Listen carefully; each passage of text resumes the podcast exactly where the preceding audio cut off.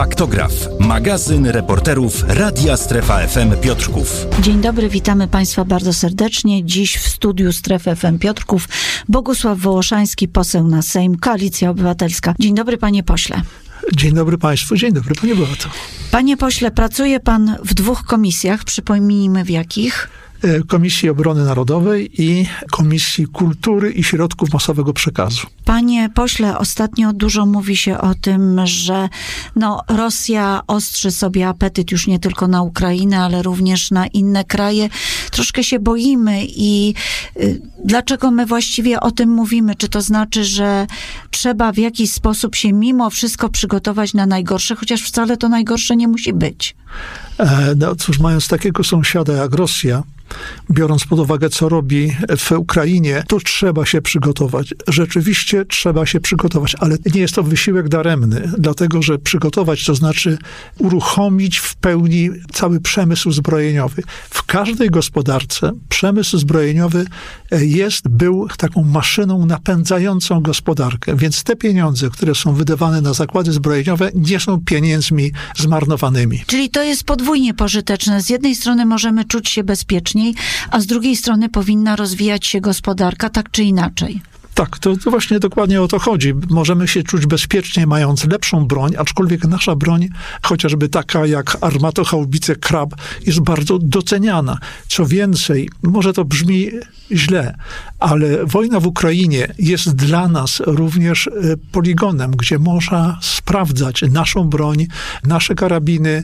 To jest ogromnie ważne dla rozwoju przemysłu zbrojeniowego. E, Także również za to no, powinniśmy być e, Ukrainie. A czy to jest też taka sytuacja, że widzi pan w czasie pracy w tej komisji, że zostały no, poczynione pewne zaniedbania, zaniechania i my musimy mimo wszystko nadrobić, bo o tym głośno się nie mówi, jak przemysł zbrojeniowy wygląda, jak wygląda obronność naszego państwa, ale czy są te zaniedbania? ogromne. Ogromne i nowa ekipa, czyli Koalicja Obywatelska i rząd Koalicji Obywatelskiej podejmuje gigantyczne wysiłki, żeby te y, zaniedbania, ten bałagan, który pozostawił po sobie PiS, no jednak y, jak najszybciej uprzątnąć. Czy pan jako człowiek, który znający i historię, i człowiek, który no, y, jest tutaj autorytetem nawet dla wielu wojskowych autorytetów, czy pan widzi, że jest potrzeba faktycznie teraz wzmożonej pracy, żeby to wszystko odpracować? I czy pan jest czasami zaskakiwany tym, co pan słyszy w czasie tych obrad komisji? Bez wątpienia tak, bo nie spodziewałem się, że szkody, jakie zostały poczynione przez minione 8 lat, e, są e, tak duże, ogromne.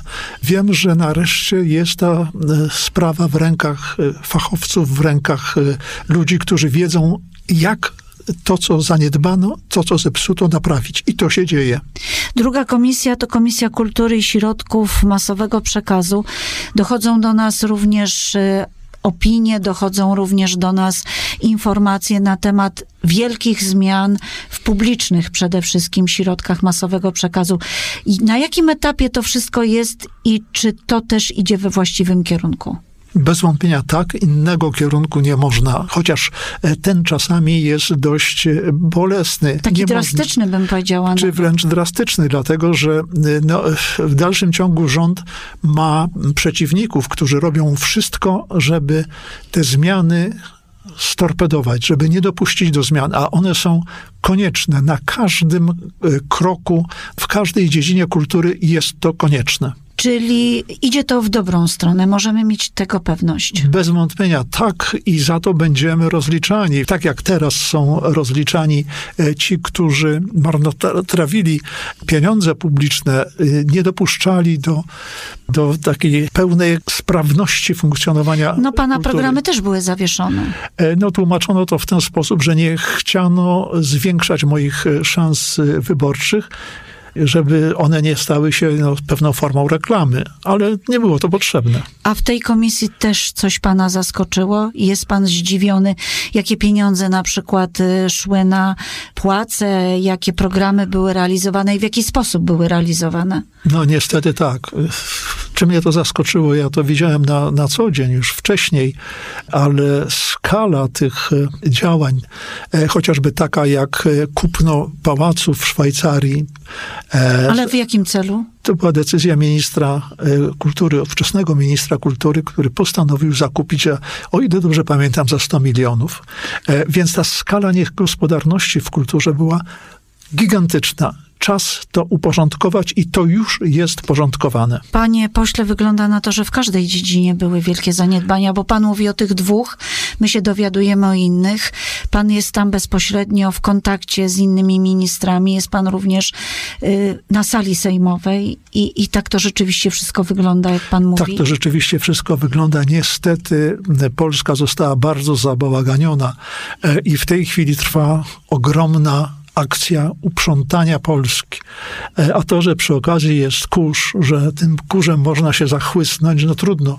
Prace remontowe takie są i one już trwają. Poseł Bogusław Wołoszański będzie regularnie w Piotrkowie i będziemy mogli z panem się kontaktować. E, tak, w biurze no, trochę trwało to uruchomienie tego biura, wszystkie załatwienie zgody, sprawy własnościowe i tak dalej. Zostało to już wszystko załatwione przez szefową mojego E, biura, panią Sitkowską i e, na pewno każdy poniedziałek będzie e, dniem dyżuru poselskiego, ale oprócz tego biuro będzie pracować w inne dni, wtorek, środa, czwartek.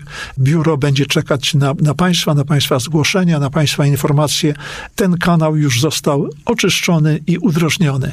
Bogusław Wołoszański, poseł na Sejm, Koalicja Obywatelska, gość faktografu. Dziękujemy bardzo i do usłyszenia. Bardzo dziękuję. Do bo myślę, że im częściej będę w Piotrkowie, tym częściej będę tutaj przy mikrofonie w Państwa stacji. Zapraszamy.